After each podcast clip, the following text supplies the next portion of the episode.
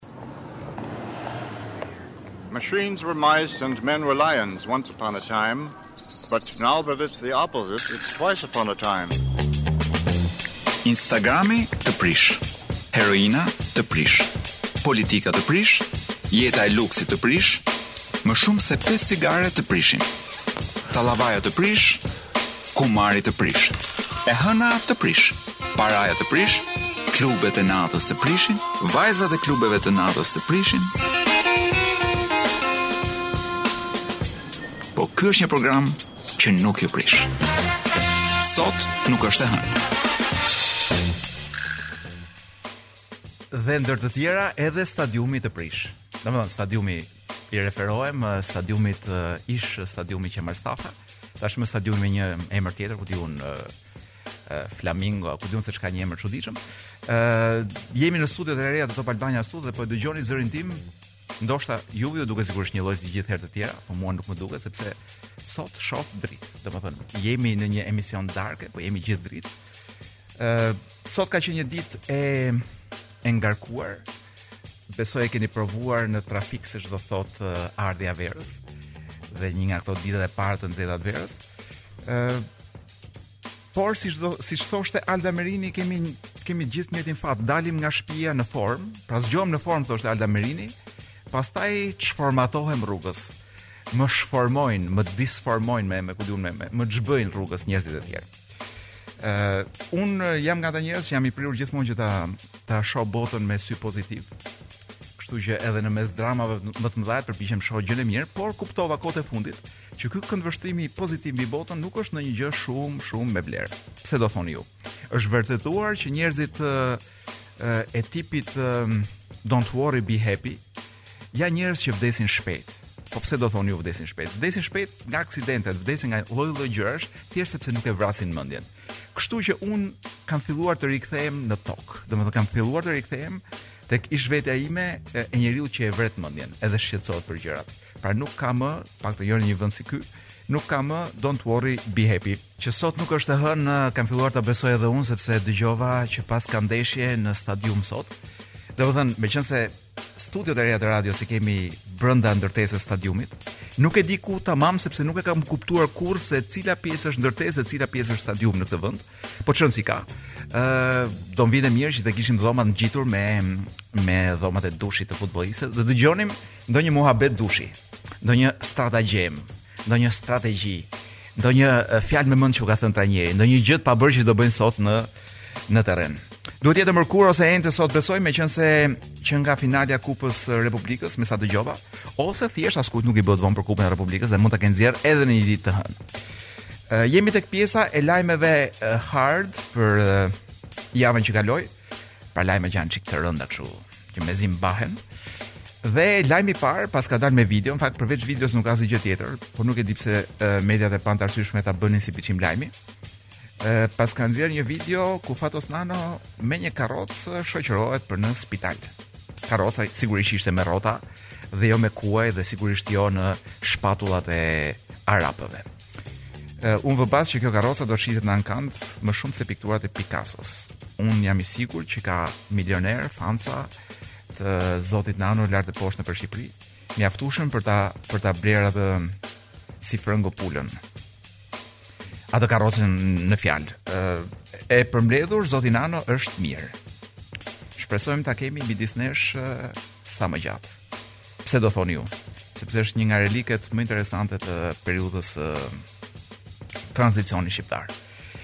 Çfarë kemi tjetër? Instati paska nxjerrë një studim 251 leje janë miratuar vetëm për 3 muaj. Dhe nuk ka vrull nuk ka fund vrulli i ndërtimit thotë kjo media ku po lexoj lajmin. Dhe këtë mund ta konfirmoj shumë mirë edhe unë. që ky vrulli i ndërtimit nuk ka fund. Vetëm dje kanë filluar nja tre pallate të reja mu ke cepi i frigoriferit tim.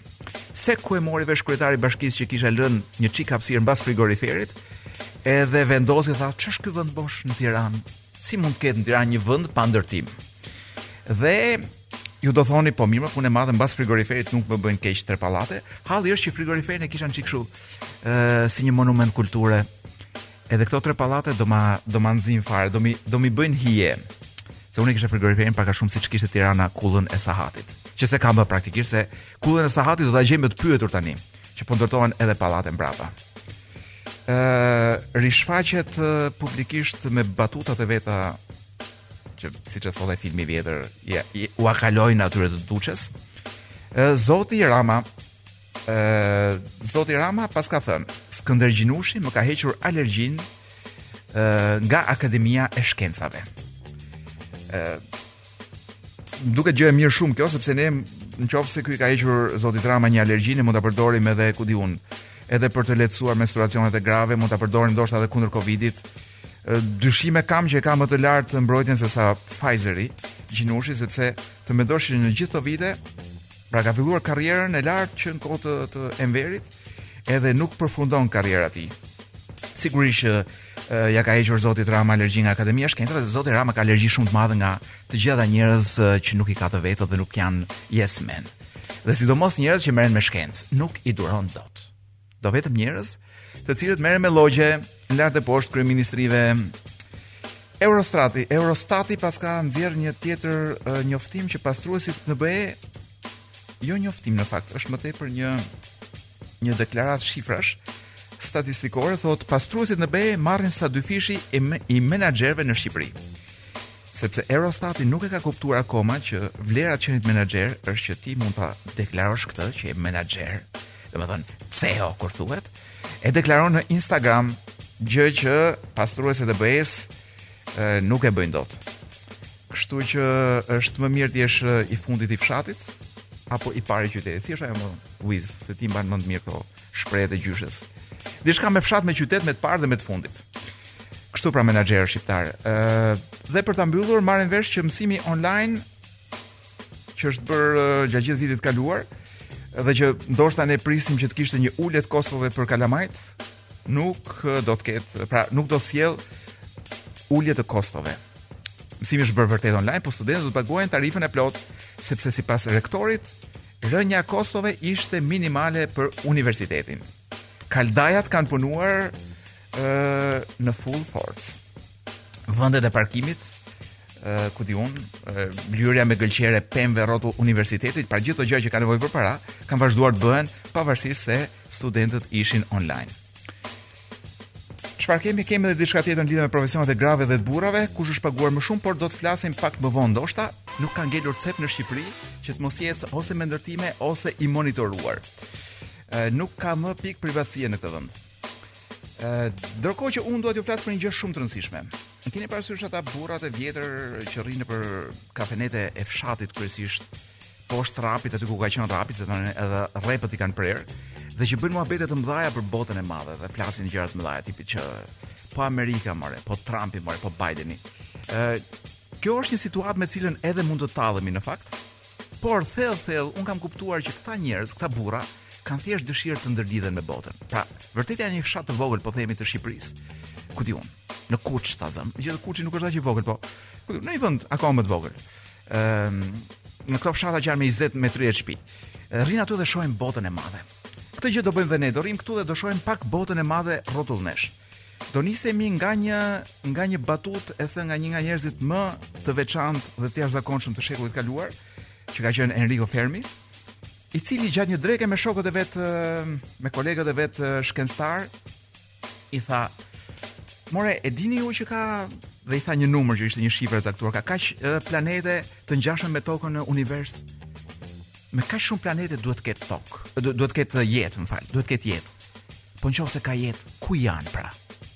Kjo është pyetja që ka lëshuar Enrico Fermi këtu e ku di un. Ë 50-60 vjet përpara, ndoshta më shumë, janë bërë dhe 70 vjet që kur e ka bërë. Dhe që nga ai moment shkencëtarët dhe jo shkencëtarët përpiqen t'i japin një përgjigje. Ore ku janë këta? Alienët. Pra në qoftë se ka alienë në botë, do të ishin këtu, do të kishin ardhur. Ose nuk ka dhe jemi vetëm. Pra dy alternativa ka. Ose alien ka, pra civilizime të huaja ka, dhe na kanë gjetur dhe janë vërdall, dhe me thënë të drejtën kur shof Taulant Ballën kam ca dyshime. Po jo, Taulant Balla mund të jetë një njeri në fakt, po ata që vazhdojnë dhe votojnë akoma dhe sot e kësaj dite Taulant Ballën, ata kam dyshime që nuk janë njerëz të këtij civilizimi. Dhe ku janë pra? Ishte pyetja e Enrico Fermit. Paradoksi i Enrico Fermit siç quhet.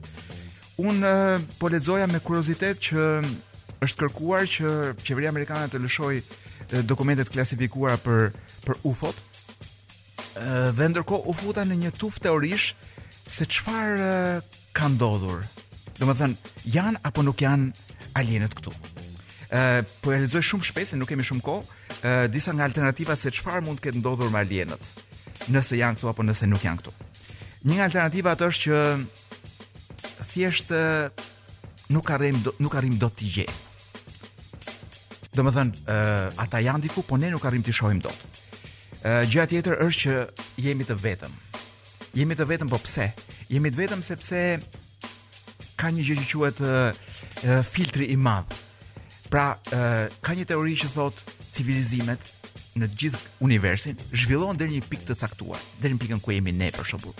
dhe pastaj fillojnë dhe i vënë flakën botës së tyre. Shkatërrojnë ambientin, ku di unë djegin pyjet, bëjnë çudira derisa mbyten dhe asnjë nga këto civilizime nuk ka arritur ta kalojë atë filtrin. Edhe ne s'kemi arritur ta kalojmë atë filtrin. Opa u stresua DJ Wizi. Kur dëgjon për filtra dhe për civilizime që nuk kalojnë dot filtrin, Edoardo Bennato është një nga personazhet uh, më simpatikë të të shekullit të kaluar, megjithëse gjallë është akoma, po të paktën unë e mbaj mend nga shekulli i kaluar, si këngëtar i shekullit të kaluar. Uh, është aq simpatik saqë unë kam miq amerikanë të cilët e kanë dëgjuar dhe u pëlqen. Pra nga gjithë muzika italiane, nuk pëlqejnë Ramazzotin, që e pëlqen ku di unë gjithë kjo pjesa e, komerciale e botës, pëlqejnë Edoardo Bennaton. Dhe ndryshe nga ç'pritej, nuk do ju flas dot gjatë, ose më saktë nuk do ju flas dot më për çështjen e alienëve dhe pranisë dhe prania e tyre në tokë, sepse me këshillën e vyer të DJ Wizit, menduam që këtë temë të rëndë për veshët tuaj ta lëmë për javën që vjen. Pra do thellohemi akoma më tepër në javën që vjen, nëse ka alien apo nëse jemi vetëm dhe çfarë lloj alienësh janë këta në qoftë se janë. Ë uh, tani do të kalojmë tek një gjë, një nga temat ë uh, uh, do të thojmë një nga rubrikat e përhershme të emisionit e vetmja rubrikë e përhershme e emisionit, dhe që është leximi i librit. Sot kam ardhur në studion e Ret Radios me një libër të ri, i cili është komplet i shkalafitur sepse e kam blerë për kosh, por ju mund ta blini të ri nëse futeni në bukinist.al. dhe fusin aty kodin për të përfituar nga oferta që gjeni në rrjetet tona sociale. Libri që kam në dorë sot është eh, i gazetares Oriana Fallaçi, ë eh, dhe titullohet Një burrë. ë eh, është ë Oriana Fallaçi është është e vdekur tashmë prej kohës, prej të paktën 15 vjetësh, por ka lënë mbrapa një Një ka lënë një emër të rëndë si në gazetari ashtu edhe në letërsi. Për këtë libër Një burrë, unë po lexoj vetëm një nga komentet që ka ë në shpinën e librit. Për shembull, ë në Magazin Literer, ë një Mark Kravec paska thënë, është një roman ideologjik, roman mbi të vërtetën, roman mbi pushtetin dhe atë që i kundërvihet atij, roman klasik, roman modern, roman dashurie, roman i shkruar mrekullisht. Këtë libër gazetarja ia ka kushtuar të dashurit të vet, një personazhi të jashtëzakonshëm, Alexis Pana Panagulis, i cili ishte një nga rebelët më të mëdhenj të shekullit të kaluar, të cilin e futën dhe në burg, çfarë s'i bënë po ai nuk hoqi dorë nga rebelizmi i vet dhe nga lufta e vet për popujt. Është është ndoshta imazhi që mund na duhej në këtë periudhë pa heronj. Qoftë se ju blini këtë libër Një burrë, ë uh, unë besoj që meshkujt do të gjejnë te ky personazh uh, do të gjejnë atë atë që do kishin dashur të ishin, pra burrin që do kishin dashur të ishin, kurse gratë do gjejnë ndoshta Një burrë siç ai siç do të donin ta kishin. Ë një histori tragjike dashurie, kjo i drejtohet gjithmonë me ti e shkruan librin, tregon gjithë historinë që ky i ka treguar. Edhe historitë e burgut të tij, deri tek historia e vrasjes së tij, siç besohet nga shërbimet sekrete greke. Ë një personazh siç thashë i jashtëzakonshëm, një hero, ë do thoja unë më së i domosdoshëm në këto kohëra të ftohta. Po shfletoj pak nga libri, po e hap në mënyrë të rastishme. Ë ky është një botimi që unë kam në dorë, është një botim i shtëpisë botuese Dudaj, është shqipëruar nga Yllka Beshirja. Ë është një shqipërim i mirë, i pranueshëm, ndoshta jo më i miri i mundshëm. Dhe po lexoj një pjesë, pjesa që ku unë e kam hapur librin është kur në burg kanë marrë vesh që Alekos donte të arratisej dhe donte të hapte një gropë me një lugë në dorë. Dhe kanë vendosur t'ia përdorin këtë gjënë. Dhe e kanë marrë, lexoj këtu. Pra, siç thashë, i gjithë libri është i shkruar në vetë të dytë, ku uh, shkrimtarja i drejtohet këtij me ti. Pra, duket sikur po ia tregon këtij historinë. Këtë librin e ka shkruar pas vdekjes së, uh, Panagulis. Ngrite qe ngrite lart qepallat e enjtura, hodhe një vështrim përçmues, lëvize me vështirësi buzët e buhavitura. Këtë do të ma paguash, Zakaris. Nuk e di ende se si, por këtë do të ma paguash. Do të të bëj të çmendesh. Të çmendur për spitalin e të marrëve. Pra i drejtohet të drejtorit të burgut. Zakarisi t'u përgjigj duke të goditur edhe njëherë me shkelm, pastaj i lodhur të dorëzoi në duart e atyre të Esas, që të hodhën mbi një batanie dhe të shpunë në kampin ushtarak të Gudit. Këtu nisën edhe njëherë me pyetje, me tortura. Aty filloi përsëri pelegrinazhi i personazheve të dikurshëm. Maliosi, Babalisi, Teofilojan janakosi, Joanidisi. Edhe këtë herë, me mizori prej të gjithëve, më mizori prej të gjithëve u tregua Teofilojanakosi. Më thuaj me çfarë e gërreve murin? Me çfarë? Me lugë, Teofilojanakos. Nuk është e vërtetë, s'është e mundur, nuk të besoj. Tregom kush të ndihmoi, kush janë bashkëpunëtorët e tu, kush? S'kam bashkëpunëtorë, Teofilojanakos. Hipokrit, gënjeshtar, matrapaz. S'ka gjë, më vonë do të tregosh. Me anën e ndonjë deklarate të rreme, Teofilojanakos? Ende s'më njohe. Fshi bythën me to. More injorant që nuk njeh as gramatikën. Pastroje se ke aq nevojë. Unë do të të vras. Më pak i habitur prej gjithëve ishte Joanidisi. Të vështronte pa folur, ndërsa fytyra e akullt sikur i ishte ngërdheshur pak nga një thërrime butësie. Vetëm pas disa minutash, duke tundur kokën, të tha: Panagulis, Panagulis. Sa të drejtë që kisha kur thosha se duhej të të pushkatonin. Panagulis. Fajin e ka Papadopullosi, Papadopullosi, që s'e mbajti, që s'ia mbajti bytha të dërgonte nën tokë. Pastaj mbërriti edhe Fedon Gikizi, komandanti i gjithë forcave ushtarake të Athinës, që kishte nënshkruar dekretin për pushkatimin tënd. I rreptë, i trishtë. Në mëngën e majtë të xhaketës, në shenjë zie, mbante një fashë të zezë. Pak ditë më parë i kishte vdekur e shoqja. U përkul mbi ty, sepse dergjeshe për tokë i lidhur me pranga, pranë një tabakaje me një pjatë gjellë të cilën s'e kishe prekur fare. Zoti Panagulis. Ju lutem Zoti Panagulis, hani sado pak. I pari që mbas 14 muajsh t'u drejtua me ju. I fole edhe ti me ju. Pa lugë dhe pirun, Zoti General, Më falni zoti gjeneral, po s'jam kafshë. Keni të drejtë zoti Panagulis, keni të drejtë, por duhet ta kuptoni arsyen e mllefit të tyre se po ju sapo ju japin një në dorë një lugë e përdorni për të gërmuar ndonjë mur, për të gërmuar ndonjë mur. Në mendje të vetëtiu një dredhi. Ja njeriu i duhur, ja rasti për t'u hakmarrë kundër Zakarakisit dhe atyre që të kishin poshtëruar, përqeshur. Nëse do t'ia dilje mbanë ta bindje këtë burrë autoritar dhe të sjellshëm, kurthi do të funksiononte përsosmërisht. Ngrite sytë për të kërkuar bebëzat e tij pak naive, tkurre muskujt e fytyrës me tepri dhe i the. Zoti gjeneral, me të vërtetë e besoni atë historinë e lugës? Muri nuk është krem karameli. Ç'po më tregoni zoti Panagulis? Ç'po më tregoni? Po ju tregoj se më ndihmuan rojat zoti gjeneral. Të njëjtat roja që më pas më arrestuan. Dhe kështu vazhdon kjo pjesë ku Panagulis tallet me gjeneralët, është koha e diktaturës së gjeneralëve në në Greqi dhe i vetmi zë i fuqishëm kundër që dëgjohej në gjithë Europën ishte ky i personazhit të këtij libri një burrë nga Oriana Falaçi.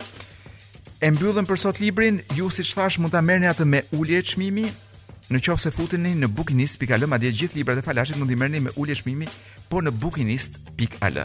Edhe në qoftë se s'keni plan të bleni, futuni pak dhe gërmoni. Shikoni ç'bëhet. Futuni dhe shihni libra, njëlloj sikur shihni ë rrobat e plazhit në Instagram. E mbyllëm me librin siç thashë, si quhet Korça në në ekip mo DJ Wiz. Skënderbeu quhet akoma?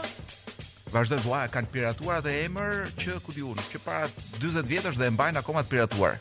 Një emër që nuk i takon, sepse ata mund të kishin po Aleksandrin e Madh se kanë pas çik më komshi se sa Skënderbeun. Nëse ky Paris i vogël luan me Shkodrën pra me Vllazninë për finalen e Kupës së Republikës.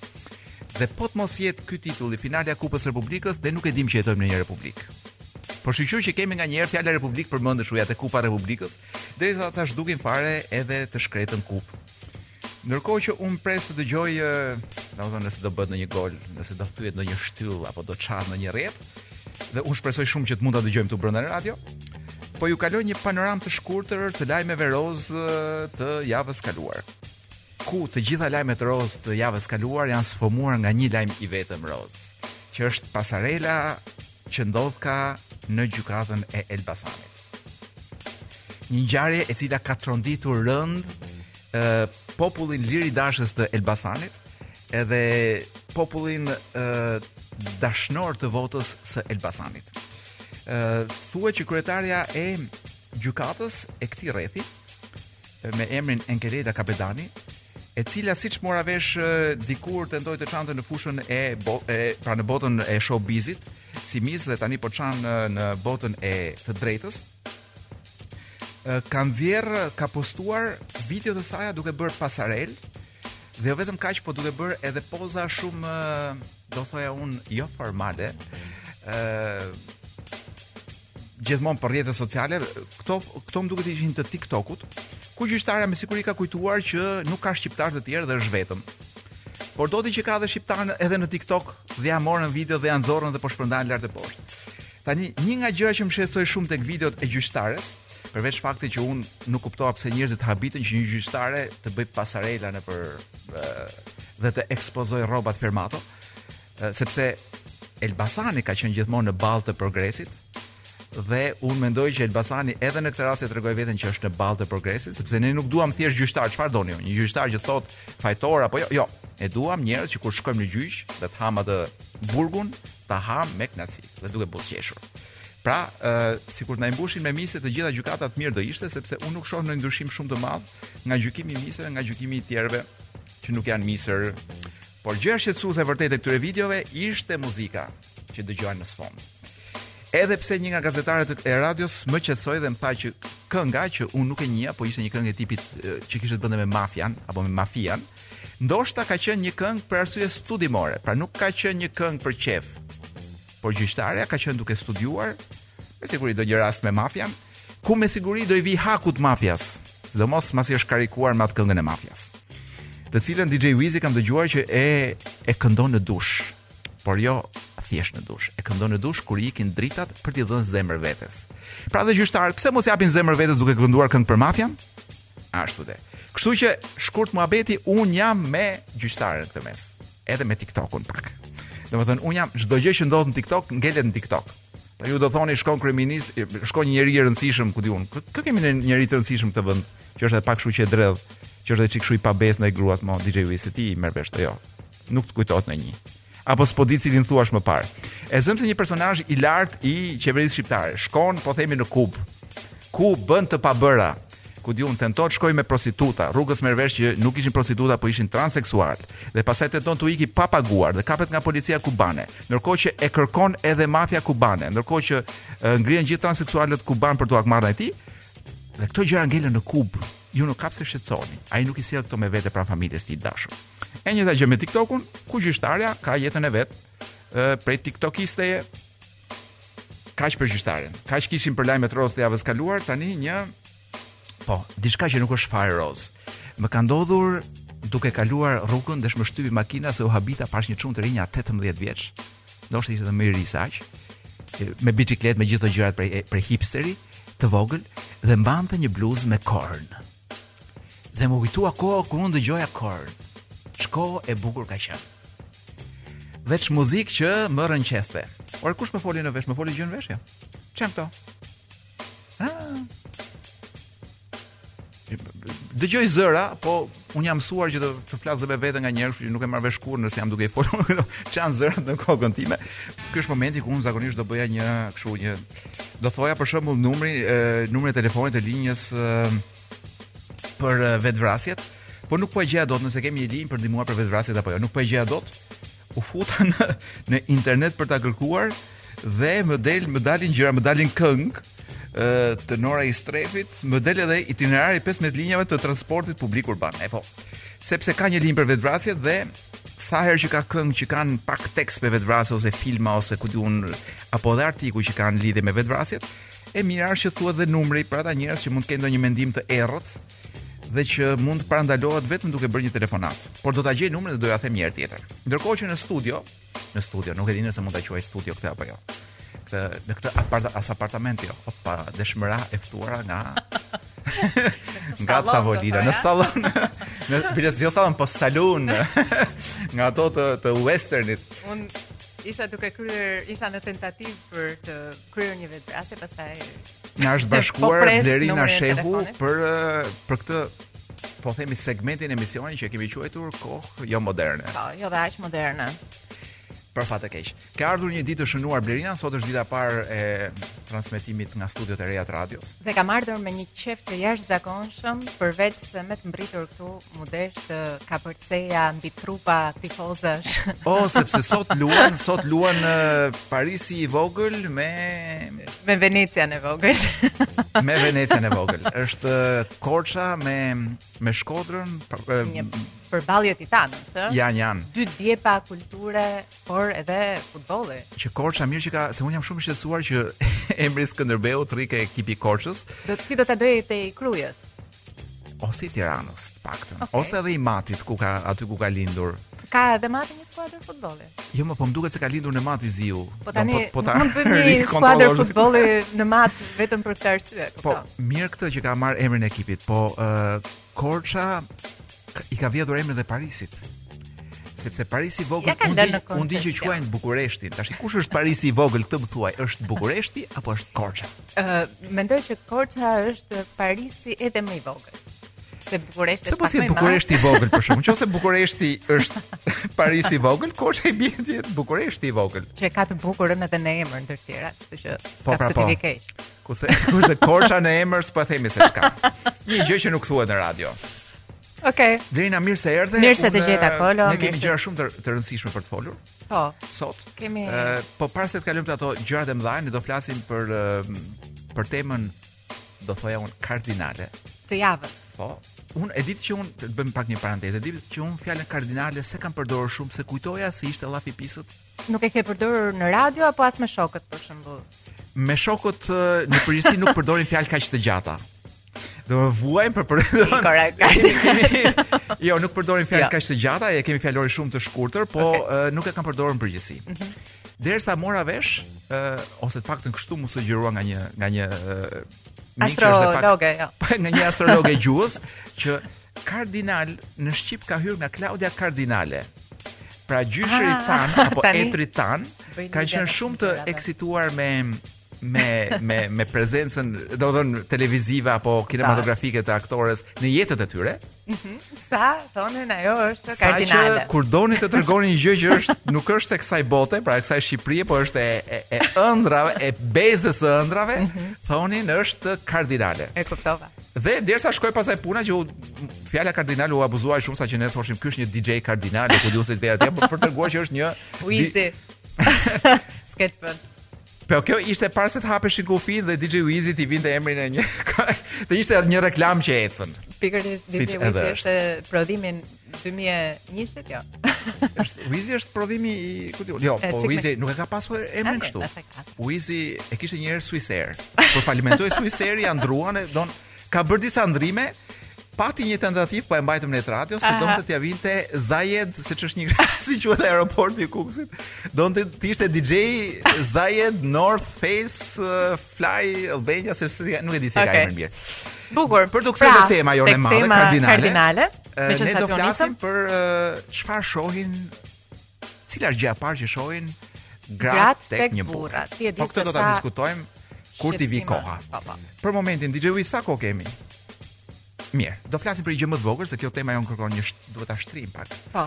Pra do do do bëjmë kështu si si si Paris i vogël kur hapet në fushë. Do të flasim për kardinalin e vogël. Do të flasim tamam, do të flasim për kardinalin e vogël kur thua ti, një temë të vockët, po. e cila është një ngjarje e madhe kulturore e Shqipërisë që është kënga magjike. Oh. Dhe un besoj që Arditi e lë qëllimisht në natën që është dhe finalja Champions League sepse thot o me mua o me ata. Shiko. Do nuk gjen fare ditë kështu domethënë që do ta bëj një ditë tjetër që s'është Champions League. E keni të shumtë pjesën se një herë e akuzonin që bën festivalin paralel me festivalin e radio televizionit.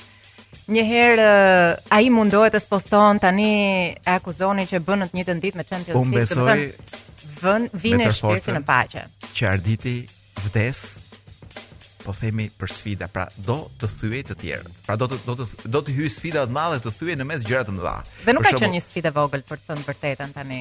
Kënga magjike në një vit pandemie. Ishte ishte unë u habita që u bë në fakt. Edhe pse nuk kuptohej, nuk ndihej fare pandemia, domethënë u entuziazmova shumë kur pash uh, Kaladi Branche këngëtarët njëri mbi tjetrin. Sepse tani kanë bërë të gjithë uh, vaksinën.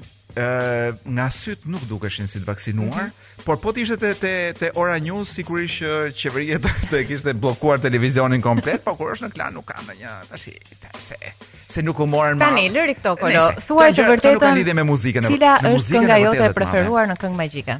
Këngët e mia të preferuara ishin tre këngët e e e përzgjedhura nga Markelian Kapedani, mm. i cili ishte, me sa kuptova un, i vetmi profesionist i vërtet aty i këngës. Jo, profesionist kuptimin edhe në gjykim, jo vetëm profesionist, po që s'thotë se këtë e kam shok dhe këtë dua, Dhe çuditërisht ato tre këngë ishin tre këngë që nuk nuk u pan mirë në panoramë, pra nuk nuk dolën në panoramën e. Ëh, po një ishte, do t'i them pastaj. Okay, se do i gjej me renditje si kishte dhe me pika verash. Gjë që më bëri shumë përshtypje te kënga magjike. Mhm. Mm përveç këngës fituese, mm -hmm. ku fituesi Më impresionoi shumë me këmbët e zbathura. Kisha kohë pa parë njerëz zbathur. Alban Ramosaj, po. Po. Këndoi zbathur. Edhe nxorri shpirtin në skenë, zë nuk ishte. Nuk e di nëse ishte nata që s'kishte zë apo në përgjithësi nuk ka zë, po nxorri dhe shpirtin e shkretë në skenë. Ëh, mm -hmm. uh, nuk e kuptova mirë hallin. Di që fliste për punë thikash, po nuk e kuptova ça halli kishte, po kush jam, sikur jam psikolog unë të kuptoj hallet e shqiptarëve. Ë, po gjëja që më bëri përshtypje, Wiz, sa kemi? Ke një minutë kohë, po po po. Mund ta thuash shtruar. Gjëja që më bëri përshtypje po. Blerina dhe dua ta përplas te ty këtë hall, s'e mbaj dot. Po ama. Këta këngëtarët kryesisht të panjohur, të cilët kanë vetëm një emër.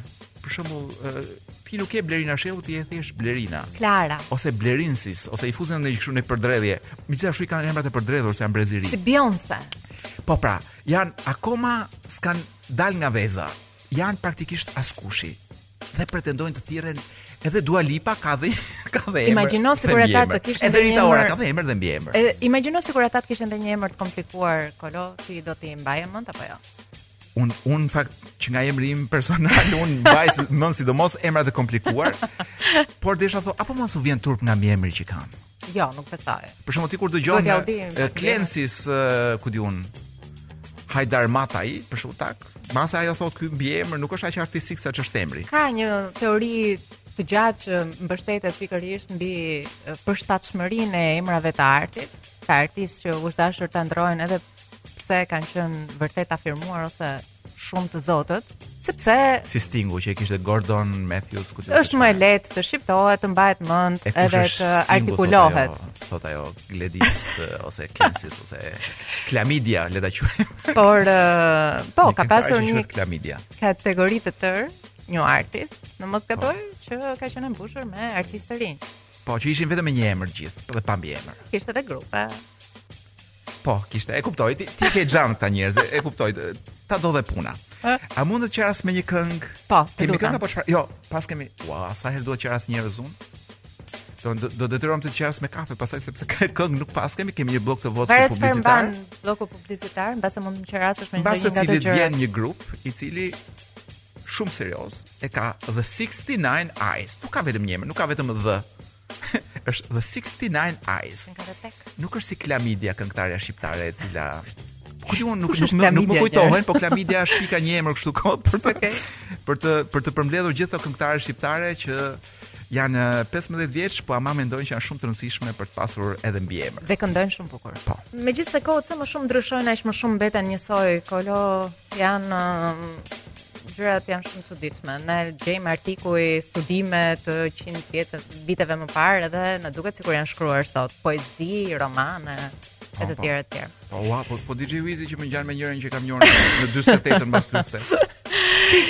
Tashti, çështja mbetet sille dhe rrotulloje. Çështja kardinale. Çështja po. kardinale mbetet gjithmonë e njëjta.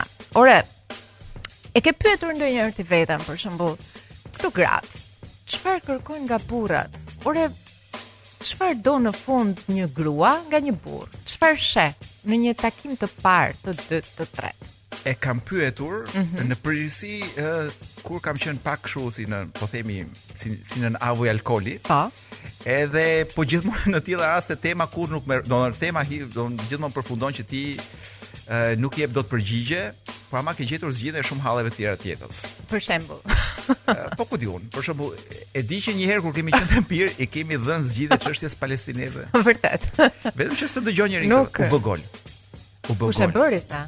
DJ Wiz interesohu pak kush e bëri dhe na thuaj. Më vjen se më, sepse publiku ndoshta ata që janë e kanë ndezur tani radio, mm -hmm. sepse duan të ruajnë dhe bateritë këtu. Duhet të di që është duke u luajtur ndeshja po. Skënderbeu Skënderbeu Vllaznia në stadiumin Air Albania ish Qemal Stafa. Dhe ne jemi me studion e Red Radios pikërisht në stadium. Dhe dëgjojmë çdo gjë.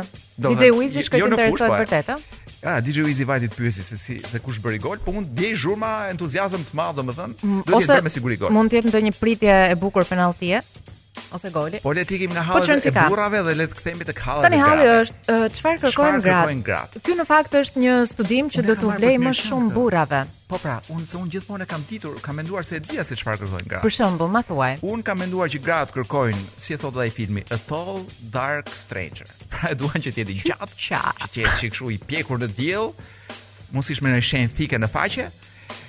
Po, edhe që mos e njohin shumë mirë, pra mos e kanë pirë lëngun. Pra, në fakt edhe unë duke ardhur për këtu, pyeta një shokun tim. Edhe i thashë, "Ore ti, paska bërë Vllaznia gol, bukur, urime." Bravo DJ Wiz. Sa gola ke për këtë këtë vit? Hajt edhe edhe me 2-3 dhe ngjitesh në majë të golashënuesve. Edhe që thua ti Kolo pyeta një shokun tim i thashë ore ti e di çfarë kërkon ajo partnerja jote nga ty ose e di çfarë kërkojnë gratë nga burrat? Çfarë tha lek? Ë përgjithsisht më dha përgjigje që kanë lidhje me aspektin fizik, pra të jetë një burrë i gjatë, ë të ketë qëndrueshmëri fizike, pra të jetë Pra, mos i merren mendtë kollaj, kur rri në këmbë. Që mos ta marr era. Të ketë mundësi të shkoj nga krevati deri në banjo pa ndihmën e kujt. Pikërisht. Ë, uh, sigurisht të tjerë opinione janë edhe ato që kanë lidhje me me anën financiare, pra të jetë të ketë një siguri ekonomike. Këtë, ti je e sigurt që shumica e burrave që po na dëgjojnë tani mendojnë që gratë, sidomos sot, po kërkojnë stabilitet ekonomik. Nuk është turp. Ashtu, nuk është ashtu.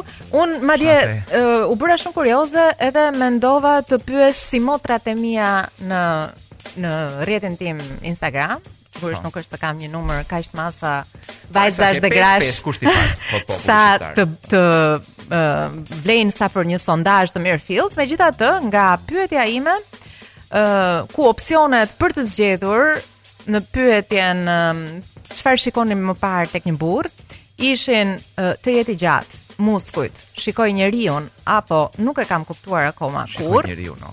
Po, do flasim çik më vonë për këtë, të parit e njeriut. E mua më kujton nga ajo kënga Zgjodha njeriun. Po kshu kemi pasur. Ke vënë re ti. Po njeriu nuk është më vetëm se njeriu është me vetë dhe me të tjerë kur thotë ai burri.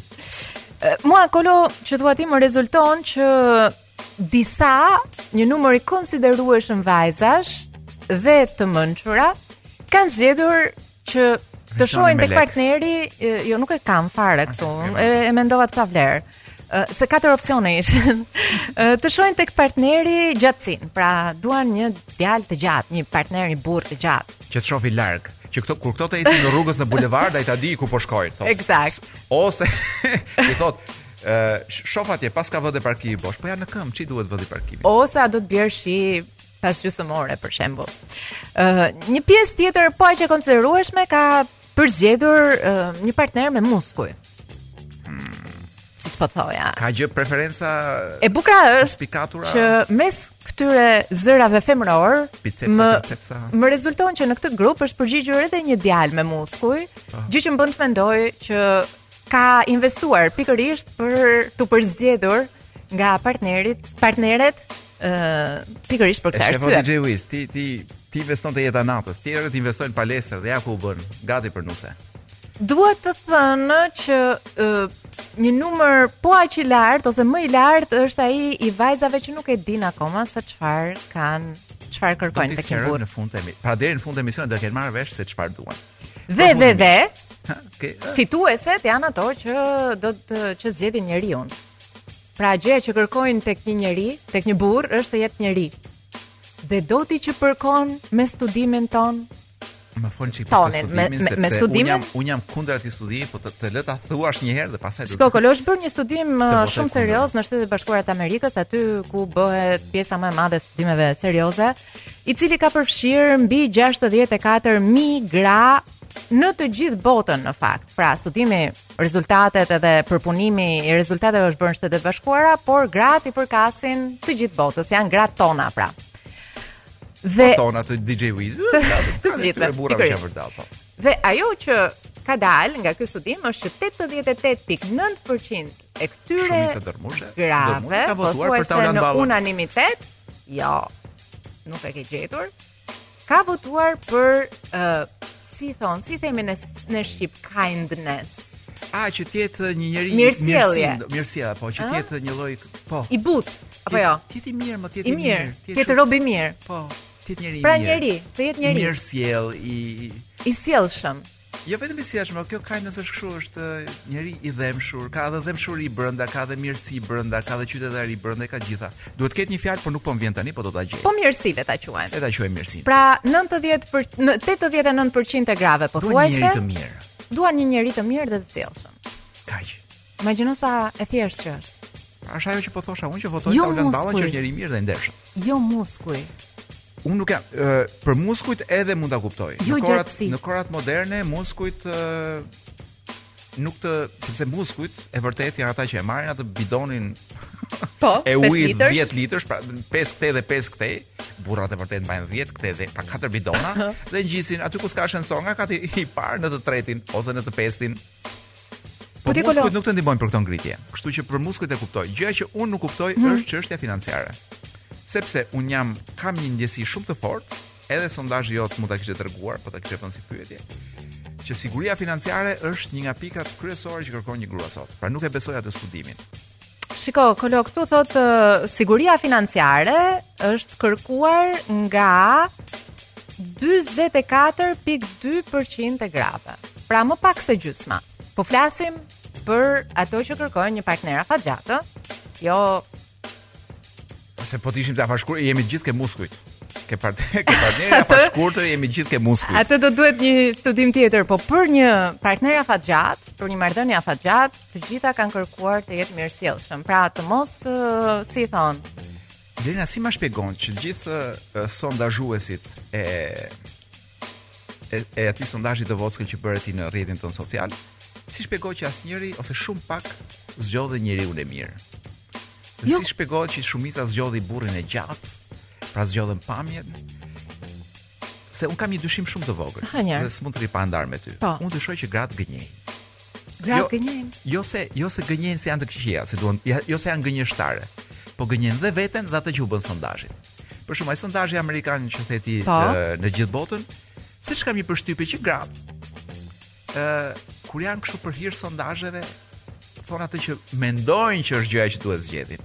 Kur vjen puna për të bërë zgjedhjet praktike, ne gjëja pyetja parë që do i bënim ne DJ Wizit është ku e ke shpinë? Ça makine ke? Ça pune bën dhe do kërkonim të dinim përmes shokëve se sa para ka në të vërtetë. Ama po ta trashte zërin një herë DJ Wizi, besoj që do iknin të gjitha. E trash i shkreti, e trash, po e trash në vendet e gabuara zakonisht. e trash në klub nate me me 500 veta. Kolo. Ku nuk dëgjon as zërin e vet. E di ç'më pëlqeu më shumë? Më pëlqeu uh, një një thënie që ishte pak a shumë kështu që Uh, mirësjellja ose ky njeriu i mirë, mirësjellja është si forca e rëndesës, është jeto, jetike. Mm -hmm. Por ne nuk e vëmë re derisa largohet. E kuptova. Pra, jo, jo, DJ Wizi nuk e kuptoi.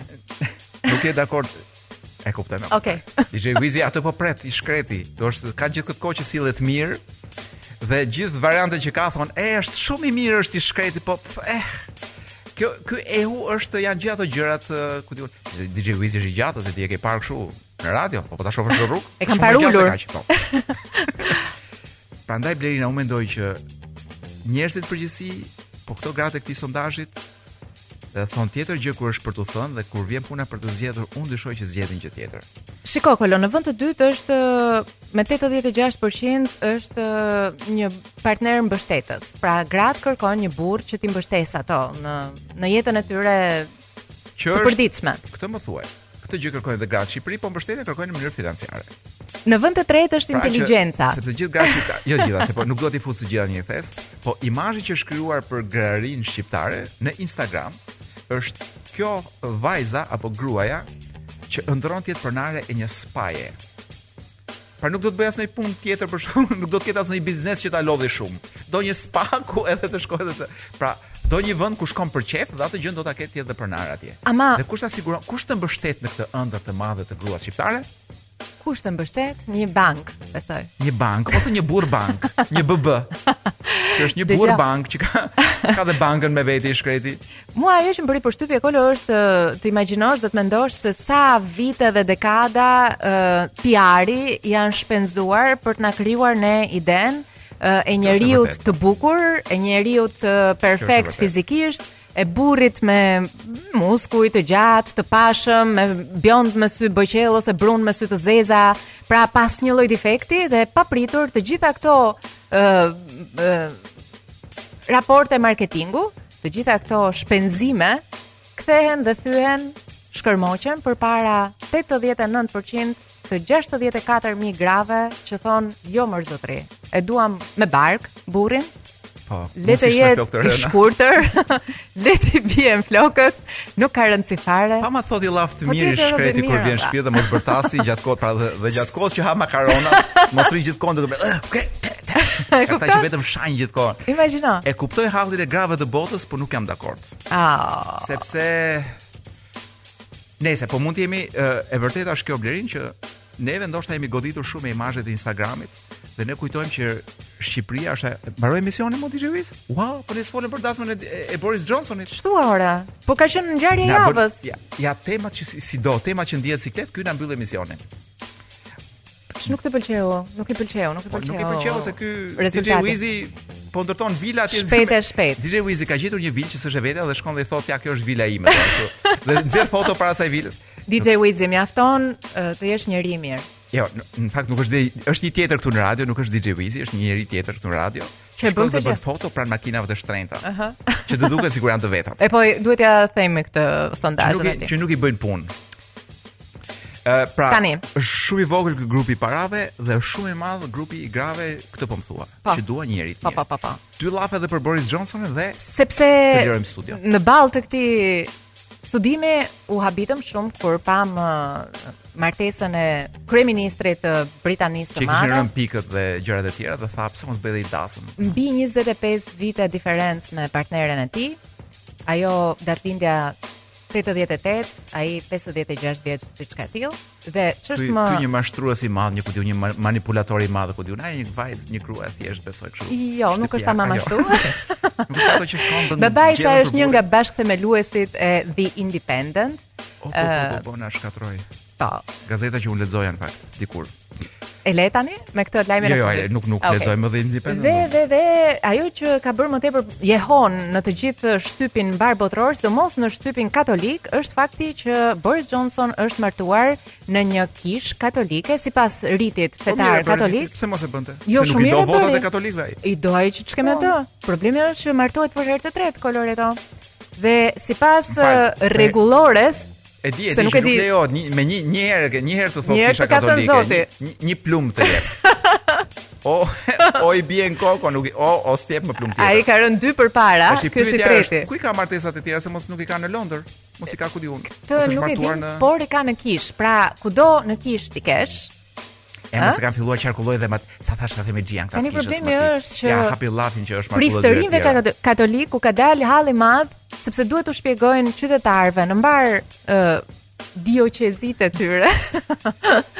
që një herë lejohet, po që po të ish kryeministër. Ti s'i shkrepi mirë dy herë të para, po një plumb është ai i shkretë, njëjtin plumb ka, po dy herë s'i shkrepi po mirë. Po të ish kryeministër, mund të ishe martuar herën e tretë në kishë. Po ti je një njeri qytetar i thjeshtë i kësaj I kësaj bote. Po ai nuk është njeri si gjithë të tjerët. Ë është është përmbi ligjin kur thuhet. Ligji është i barabartë për të gjithë, për disa është edhe më i barabartë. Flaka le t'i bjerë.